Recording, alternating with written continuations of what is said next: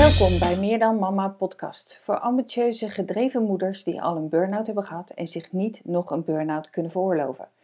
In deze podcast praten wij over mama burn-out, balans tussen ambitie en gezinsleven en de realisatie van jouw droomleven. Mijn naam is Bianca Meijsen en ik ben jouw host, mama ontstresscoach, transformatietrainer en auteur van het boek In 10 stappen jouw droomleven na een burn-out. Ik praat in deze podcast met diverse professionals die vanuit hun eigen expertise en persoonlijke ervaring hun visie delen over de burn-out en hoe hiervan te herstellen.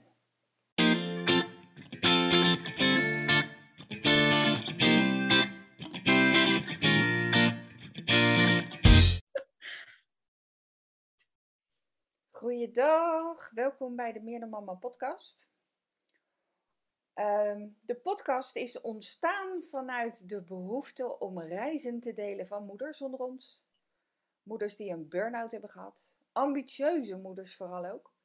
Die zo hun ehm, ja, eigen overtuigingen hebben over het wel of niet mogen hebben van een burn-out. Nou, daar hebben we vandaag ook een leuke reis over te delen. Um, Vandaag heb ik de gast Eline Zelenberg. En ehm, ehm, ze heeft me er net voor de uitzending al uh, ingefluisterd dat haar eerste burn-out in 2003 was. Dus we hebben deze podcast best wel een behoorlijke periode om eens even doorheen te spitten. Wat is er gebeurd? Wat was de aanleiding? Hoe is het erna gegaan? Welke tips en tricks zijn er voor jou? En uh, voor de geïnteresseerden onder ons is het misschien wel leuk om even een klein tipje van de sluier alvast te lichten. Dat een van de dingen waar zij gebruik van is gaan maken, heet de talking. Heb je nou geen idee wat een talking is? Zou ik zeggen, blijf even hangen. Dan gaan we het straks nog eens verder over hebben. maar voor nu, allereerst hartelijk welkom Eline. Super lief dat je er uh, vandaag bij kan wil zijn en jouw reis wil delen met de luisteraars. Ja, dankjewel voor de uitnodiging. Super leuk om hier te zijn. Nou, laten we dus ook maar gelijk met de deur in huis vallen. Ik zei het er net al, jouw eerste uh, burn-out ervaring was in 2003. Ja. En je hebt al door laten schemeren van eigenlijk doe ik zo veel mogelijk aan om het daar vooral niet meer over te hebben. dus vandaar, eerst beginnen we daar even mee. Wat maakte dat dat de eerste burn-out was? Hoe heb je het ontdekt? Wat maakt dat het bij jou heeft plaatsgevonden?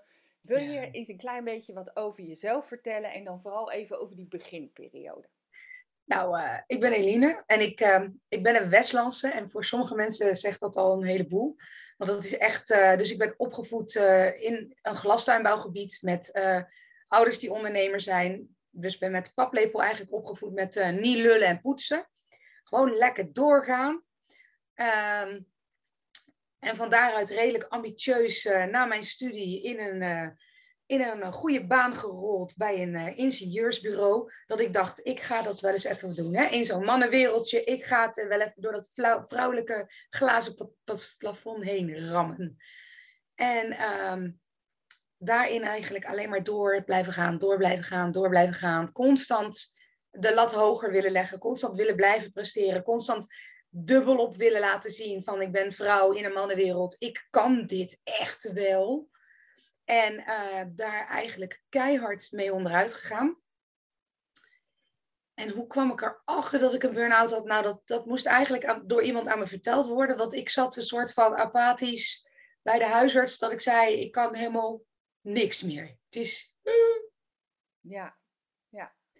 Ja. Dus echt het, het lichtjes uit ervaring. Ja. Van uh, dokter, help, ik weet niet wat er aan de hand is, maar uh, er komt niks meer uit mijn vingers. Dat, weet je, ik wil eigenlijk alleen maar huilen, maar zelfs dat kost te veel moeite. Um, ja. Kopje thee optillen is al uh, ingewikkeld ineens. Ja. Dat, gewoon compleet freeze en, en zelf niet eens doorhebben van wat is er nu met me aan de hand. Nee. Uh, op welke manier uh, um, was het advies zeg maar, van de dokter toen die dan mededeelde van ja, je zit gewoon midden in een burn-out? Was het ook echt, je gaat nu de ziekte in, wet in, je doet helemaal niks meer en uh, je gaat eerst uitrusten of had hij een andere tip? Nee, die, dat, dat, werd heel erg gezegd wel van je hebt een burn-out, dus regel het nu met je werk in de ziektewet, maar ja, en ga het oppakken. Nou ja, dat moet je tegen mij natuurlijk lekker zeggen. Want hey, dat uh, niet lullen en poetsen, dat zat er al langer in. Dus dat gaan niet oppakken, ben ik ook echt gaan doen. Dat ik dacht, oké, dit is wat ik heb. Um, dan wil ik ook weten waar het vandaan komt. Dan gaat mijn analytisch hoofd aan. Dus ik ga wel even in mijn eigen verleden zitten graven. Ik ga wel even mijn eigen patronen door zitten baggeren. Sorry dat ik even, ja, even, even puff hoor. maar ik voel bij wijze van spreken ook nu nog echt dat uh, adem omhoog, schouders omhoog en we gaan weer door. Ja, nou maar echt dat. Ah. Echt dat. Ja, en tegelijkertijd, weet je, ik, ik maak het misschien lacherig uh, in de manier hoe, ik hem, hoe ik hem omschrijf, maar ik zie het zo vaak gebeuren. Ik heb nog niet zo lang geleden nog een, een, een WhatsAppje gekregen van iemand uit mijn omgeving die ook beweerde, haar overkomt het nooit. En ja hoor, ze zit er ook in. Welk boek moet ik lezen? Waar moet ik de informatie vinden? Ik zeg, jij doet helemaal niks daarvan. Je gaat alleen maar zorgen dat je leuke dingen doet, dat je weer energie krijgt. Ja, maar wat is leuk dan? Nou, daar kunnen we het over hebben. Ja, maar nou, dat. Schouders eronder. En, en oh, hoe kom ik hier zo snel mogelijk uit? Wat is het? Wat moet ik doen dan? Want dat werkt averechts. Nee, maar dat absoluut. Weet je, en jij vroeg mij natuurlijk vooraf van wat, wat zou je als tip meegeven? En dit is echt Ehm, niet alleen de, tip die ik privé bij bijna alles geef, maar ook die ik aan mijn klanten meegeef. Ga er eens mee zitten. We zijn zo niet meer gewend om um, ongemak te voelen. Dat moet meteen ja, dat kan weg. Niet, hè? Ja. Dat, dat kan niet. Dat, dat, dat mag er niet zijn. Dat, dat, weet je, en of dat nu is vanuit schaamte, vanuit schuldgevoel, vanuit daar zitten allerlei super fascinerende patronen onder. En daar kom je echt wel een keer, maar ga er eens mee zitten. Ja, ja. Ga eens en, een. Wat, heb het uiteindelijk voor jou wel op. Wat heb het lekker. Nee, goed Nederlands, uh, Bianca. Wat heb het nou opgeleverd dan? komt de Rotterdamse komt een beetje naar boven. God geleerd. Oké, sorry. nou, eens kijken of we nog wat ABN door Ja, precies, dat. Maar goed, de vraag was dus, ging erom, um, ik zei niet voor niks je eerste burn-out, want je had al aangegeven, je hebt er nog een tweede uh, in 2011 gekregen. Ja. Maar dus ergens na 2003 heb je voor jezelf wel het gevoel kunnen creëren, op welke manier dan ook, dat je er ook weer uit was. Ja, weet je, lees een burn-out boek en dan zijn er natuurlijk van die fantastische checklistjes wat je moet doen om in balans te blijven. Ja, en als je die gewoon heel rationeel vanuit jouw hoofd gaat volgen, dan kom je een heel eind. Ja, absoluut. Dan kom je een heel eind vooruit, totdat je eigenlijk weer ehm, een crisis tegenkomt. Ik en vind de crisis was voor jou? Uh, nou, dat was een hele interessante. Ik werd uh, ontslagen op uh, de baan waar ik zat. Want ik had een contract van anderhalf miljoen met een klant binnengehaald. En toen liep ik letterlijk tegen dat glazen plafond aan. Uh, dat de contractmanager, die dus eigenlijk dit als zijn baan had, ja, die, die trok dit niet helemaal. Dus ik was in één keer, en dat kan ik nu zien, echt binnen dat team een bedreiging. Want ik babbelde wat in de ronde op een beurs met oud-studiegenoten. En ik lepelde dat contract naar binnen, waar hij al maanden mee bezig was. En toen werd ik ontslagen en ik snapte er helemaal niks van. Nee, en dat was die klap. En dan, weet je, valt er een stoelpootje onder je krukje vandaan en dan, uh, dan ga je gewoon weer. Wat ik er ook in hoor, en misschien herken je dat, is. Um, um, en dat vertelde je ook eigenlijk in het begin van, van jezelf willen bewijzen, laten zien dat je het kan, uh, laat aangeven hoe goed je eigenlijk wel niet bezig bent. En uh, bij de eerste was het letterlijk tegen jezelf opklappen, zeg maar. Maar bij deze tweede klinkt het alsof je die waardering dus nog steeds zocht en eigenlijk dus nog steeds niet kreeg. Ja. En daardoor alsnog tegen uh, iets aanklapte. Ja, klopt. Dus eigenlijk, ik had een heleboel mooie lessen geleerd de eerste keer. Maar uh, of ik waardevol ben, was eigenlijk, of, of ik van waarde was, en of dat nou persoonlijk of, of zakelijk was, dat zocht ik nog steeds buiten mezelf. Ja, en, en de, eh, mocht je nog midden in de burn-out zitten of ermee uh, in aanraking zijn gekomen of wat dan ook, en je denkt, waar hebben jullie het over? Um, eigenlijk zou je het zo kunnen zien, zo, zolang je op wat voor reden dan ook niet ehm, kunt voelen dat het ook oké is als je iets niet voor elkaar krijgt. Maar dat het alleen oké is als je het wel voor elkaar krijgt. En daar dus ook de lof over krijgt, de erkenning over krijgt, de, de feedback over krijgt. Ehm, en, dat blijft uit. En daardoor voel je je nog minder goed genoeg, zeg maar. Dat is zeg maar waar we het over hebben. De enorme behoefte ehm, die soms tegen je kan gaan werken.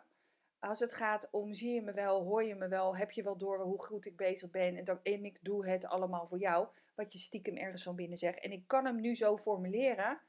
Maar ook ik voelde dat niet toen de tijd, toen ik midden in de burn-out perikelen zat. Ehm, nee, maar wie, wie voelt hem wel van nature? Want we hebben allemaal als mens de behoefte om erkenning, erkenning en precies gezien te worden, gewaardeerd te worden. Ja. En we leren, dat, dat, daar moet ik nu niet dieper op ingaan, want dan hebben we nog drie uur uh, te babbelen.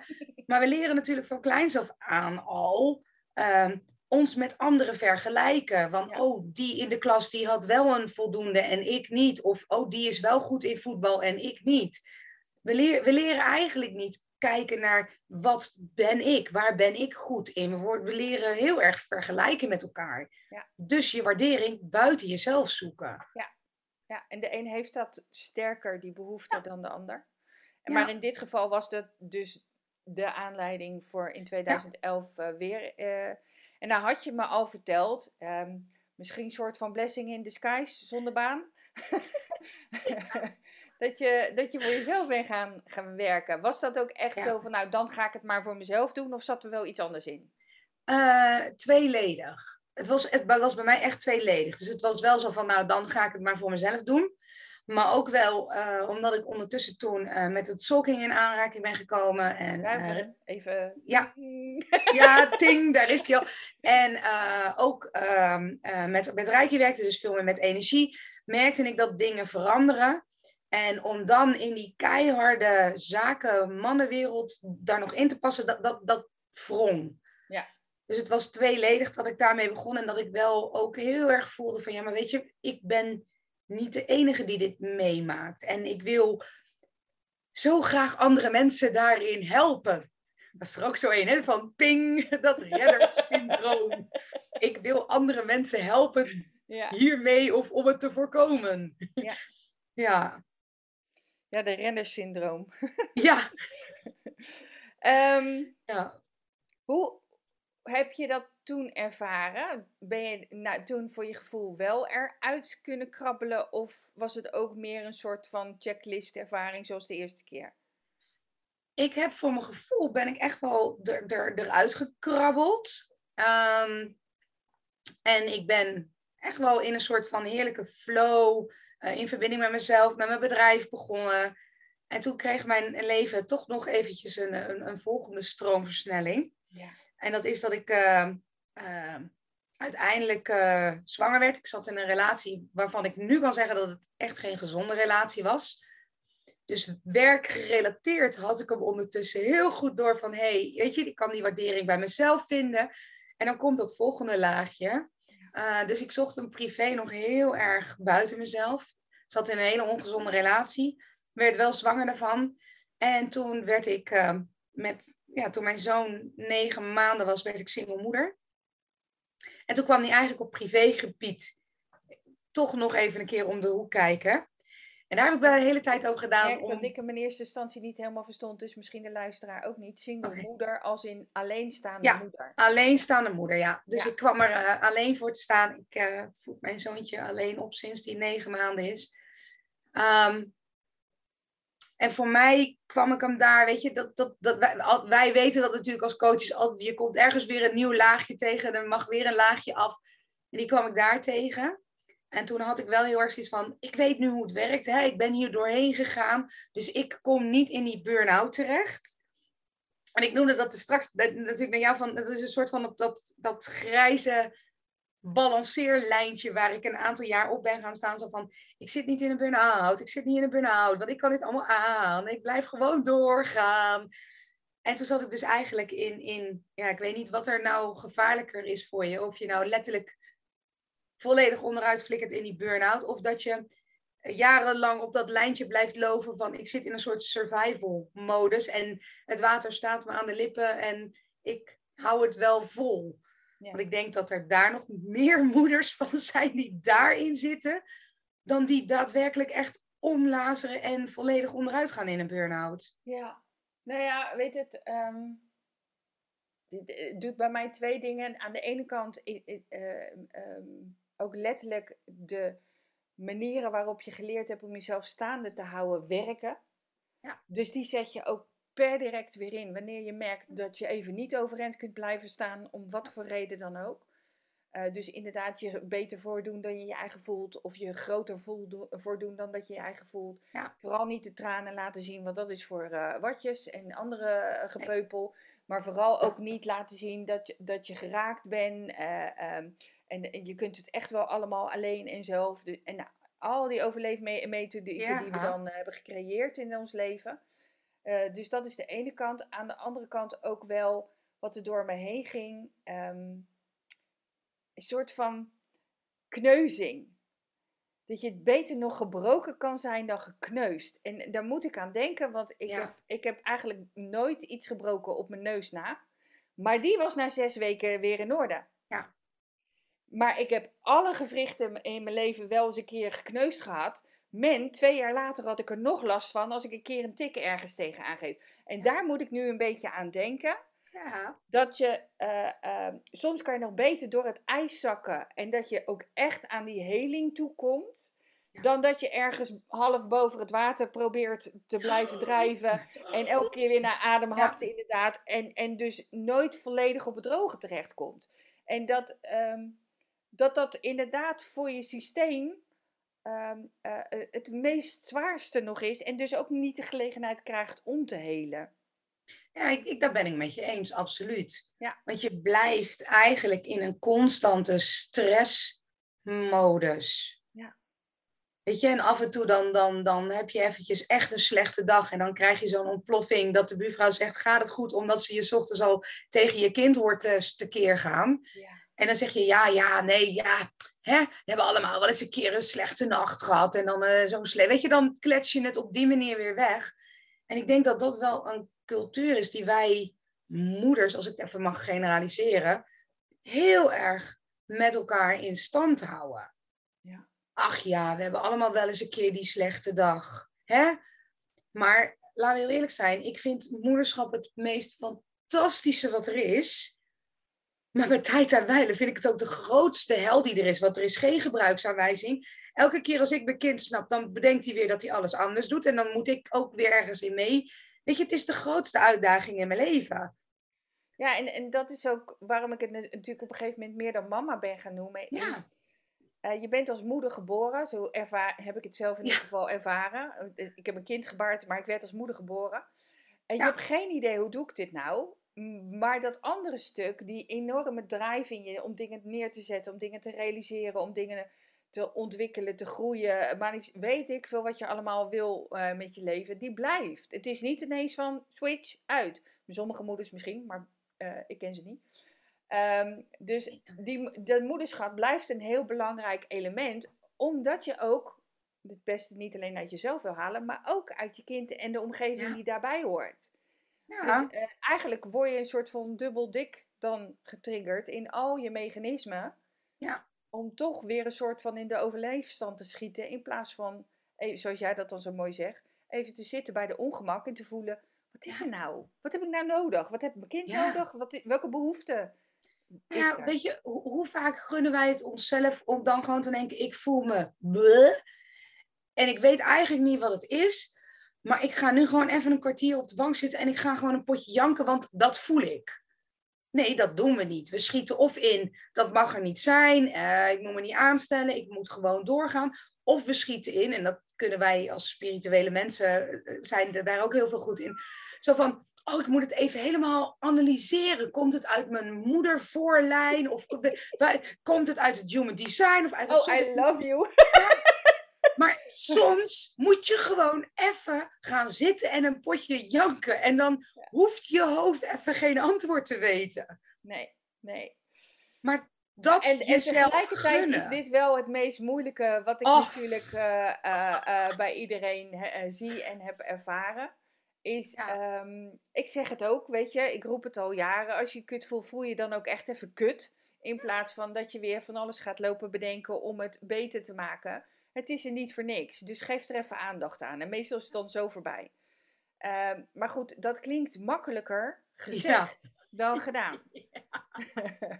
Oh ja, weet je, ik kan het heel mooi zeggen. Ja. En ik kan het aardig toepassen. Maar ik geloof dat ik er gisteravond er nog eh, keihard mee onderuit ging. En eh, ondertussen een vriend en een eh, kind van acht. En die allebei zeiden, mama, ga maar even zitten. Want het is zo'n momentje. Hè? Hier heb je thee. Wij doen de rest wel. Doei! Maar wel lekker dat zij dat dan ook zien en het aan je terug kunnen geven.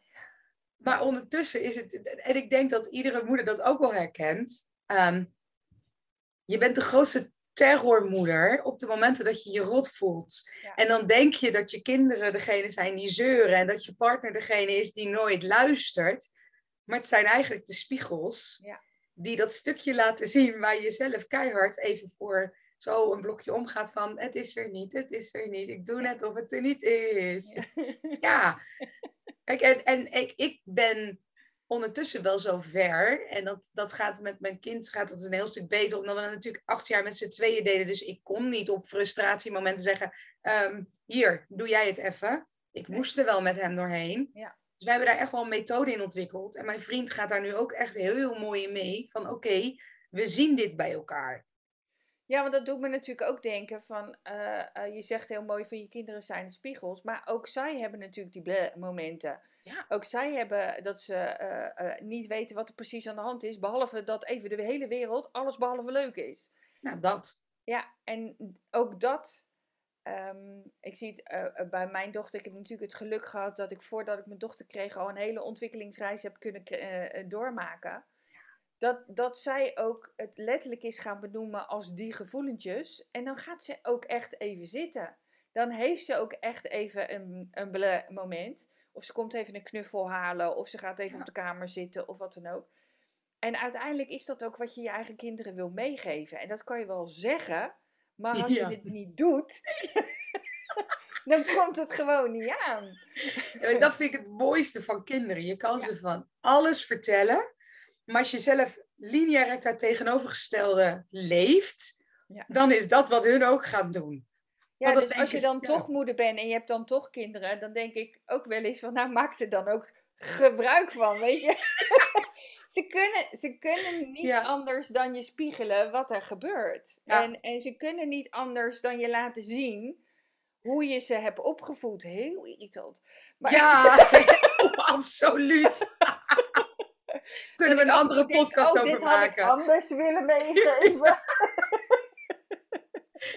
Ja, kunnen we nog een podcast over maken? Ja, hè? precies. Ja, Maar ja, als, als, ik het, als we dan een tip mogen geven in hoe doe je dat dan, zitten met ongemak, dan denk ik dat dit wel mooie signalen zijn om, om bewust van te worden. Zo van, oh, maar wat gebeurt hier nou? Ik, ik denk dat het, weet je, gaan zitten met ongemak, dat klinkt bij iedereen meteen zo van, dat vliegt me naar de keel, want dan moet ik er naartoe en dat is hetgene wat we het liefste niet willen. Maar al stop je maar gewoon even met waar je mee bezig bent, met dat doorrennen en ga je zitten met een kop thee. Gewoon even in de pauze. Dat is al de eerste stap. Ja, en, en je zegt terecht, want sommige mensen hebben dan het gevoel van, dan vliegt het naar mijn keel. Maar het, het is ook niet de bedoeling dat je helemaal erin duikt. Nee. Maar het is ook niet de bedoeling dat je erboven blijft staan. Ja. Nee, maar gewoon even waar. Wat, wat voel ik nou? Wat gebeurt er nou? Wat is er nou? En even niet fixen. Dat is zeg maar Ja, de term die nou ja, ik heel vaak bezig. Even niet fixen. Even niet oplossen. Even niet iets vinden om het weg te werken of eh, poetsen of whatever. Maar gewoon even waarnemen. Wat is er Ja. nou? Weet je, je nou ja, letterlijk, ik zeg altijd, het hoeft je niet over te nemen. Ja. Ja. Maar je kan het er wel laten zijn. Ja. Gewoon het even voelen, ja, niet fixen. In Ja. NLP zeggen ze dan meestal van maak het niet groter, maar ook niet kleiner. Het is Nou, wat het is. Het is wat het is, ja. Dat is ook zo'n prachtige dooddoener die wel klopt. Het is wat het is. Ja. Ja. Weet je, en dat is, dat is natuurlijk iets ja, wat, wat, wat wij aan het leren zijn. En wat we onze kinderen daardoor mee kunnen geven. Ja. Dat ik denk, het is zo belangrijk. Absoluut, absoluut. Ja. En dan was jij eh, eh, alleenstaande moeder, maar het, Ja. uiteindelijk maakt het niet uit of je nou wel of geen partner hebt die je daarin helpt. Het Nee. kan wel degelijk ehm, verlichting brengen, maar het kan het ook verzwaren, omdat de partner om wat voor reden dan ook niet helemaal de ondersteuning kan bieden die je als moeder met de kinderen nodig hebt. Dus het, het maakt uiteindelijk niet uit in welke situatie je zit. Ehm, waar ik wel nog eventjes naar wilde refereren, en die hebben we natuurlijk aan het begin als een soort teaser ook meegegeven, is die waar jij zei van de tolking heeft je ook wel geholpen om tot inzicht te komen van, maar wat gebeurt er nou? Wat, wat, wat, wat heb ik nou nodig om niet weer steeds in die burn-out terecht te komen of op het randje te glijden of wat dan ook? Ehm, kun je er iets even heel kort over vertellen? Wat maakte dat het voor jou heel hielp? Want we gaan er Mhm. natuurlijk wat meer een masterclass Mhm. over geven. Mhm. Ja, eh, dus wat, wat, mij, wat mij hielp was om mezelf daarmee te leren kennen. Ah. Niet van eh, dit ben ik in vergelijking met een ander, eh, slechter of beter in voetbal, maar echt, oh verrek, dit is typisch Eline, dit, dit hoort bij mij. Ja. En dat was voor mij een hele mooie ingang, waardoor ik ehm, veel meer mezelf kon omarmen. Veel meer mezelf, dat ik denk, ja, dat klopt. Weet je, ik weet, oké. Het is oké. Ik weet dat ik dit ben. En ik weet Ja. dat ik dus altijd hierin schiet. Want dit hoort bij mij. Ja. En daarmee is het al een stuk minder zwaar geworden.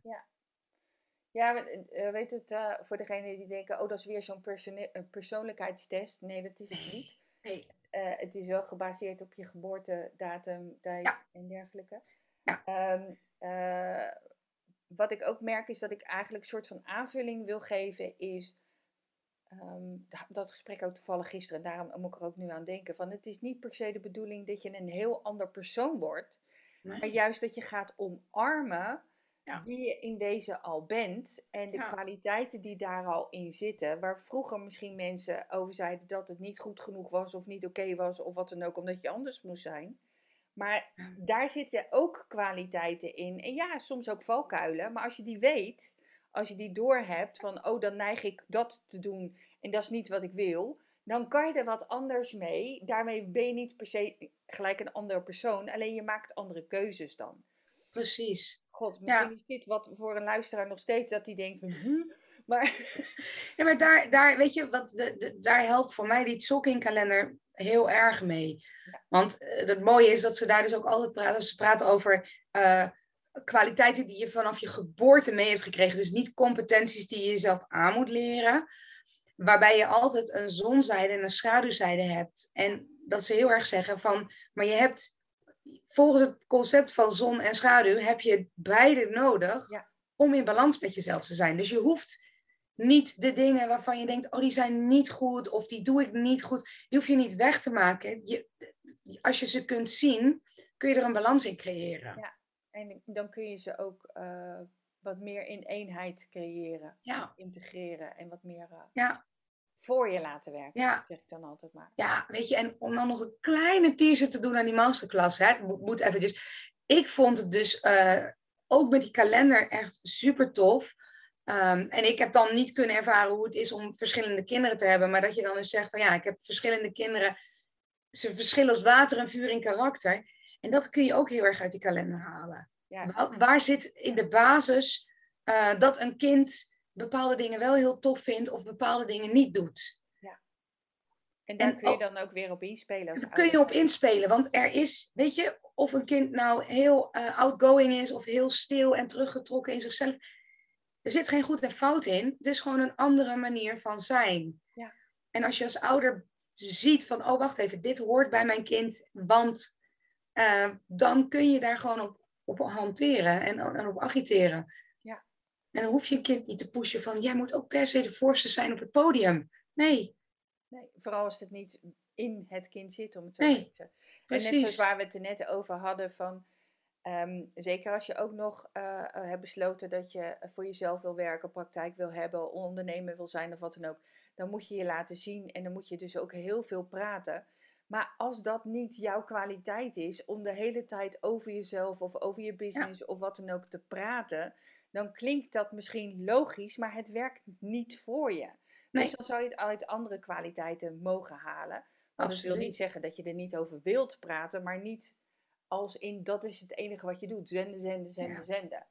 Ja. En uh, nou ja, ik hoop in ieder geval voor de luisteraars dat ze weer een stukje, een ander verhaal weer hebben mogen ervaren, mogen luisteren van wat weer herkenning geeft. En net wat we zeiden van de Tolkien, misschien heb je er wel van gehoord, misschien heb je er nog nooit van gehoord. We vonden het extra leuk omdat het nog niet zo'n hele bekende vorm is onder de Nederlandse moeders, om het maar even zo te zeggen. Dat we er wel een Expect a Miracle Masterclass van gaan geven op mijn YouTube kanaal. En uh, die staat gepland op, wat zeiden we nou? 9 augustus, hè? Ja, 9 augustus. Even op een uh, kalender speak. Ja. En uh, om 10 uur kun je er ook live bij zijn in, op mijn YouTube kanaal. En ik mag als leidend voorwerp functioneren. Oftewel, uh, Eline gaat ook mijn uh, tolking zeg maar uitleggen en daar toelichting op geven. Dus niet alleen, alleen wat is tolking dan, wat kan je ermee dan, maar ook gewoon toegepast op, in dit geval ben, maar ben, ben ik dat. Zodat het ook wat meer gaat leven. Wat, wat kun je ermee dan? Wat, wat houdt het in dan? Dus ja, wees welkom. Je kunt natuurlijk ook naar de rand kijken, want het blijft gewoon online beschikbaar. Maar vind je het wel leuk, wees welkom. Ja, leuk. Augustus. Dankjewel Eline. Is er nog een laatste tip van jou voor de luisteraar? Voor de moeders die eh, hmm. mogelijk in een burn-out zitten of er al uit zijn gekomen. Of uh, de andere mannen zijn ook uh, natuurlijk van de luisteraars. Mm -hmm. Ik heb het natuurlijk voornamelijk over moeders. Maar ik hoor ook regelmatig mannen die luisteren of niet moeders. Voor mij het grootste is nog steeds dat je um, echt wel met een bak met liefde en af en toe ook een beetje humor kan zien wie je bent. Ja. Klein beetje zelfspot is wel uh, ja. helpend. Ja, absoluut. Helemaal mee eens. Ja. Dankjewel Eline. Mochten er nog vragen zijn, geneer je niet. Stuur het naar info.meerdamama.nl of reageer uh, op deze podcast. Of zie de podcast uh, op YouTube en dan kan je gewoon onder de video reageren. Hele fijne dag, lieve luisteraars. Dankjewel Eline en tot de volgende keer. Dankjewel. Doeg.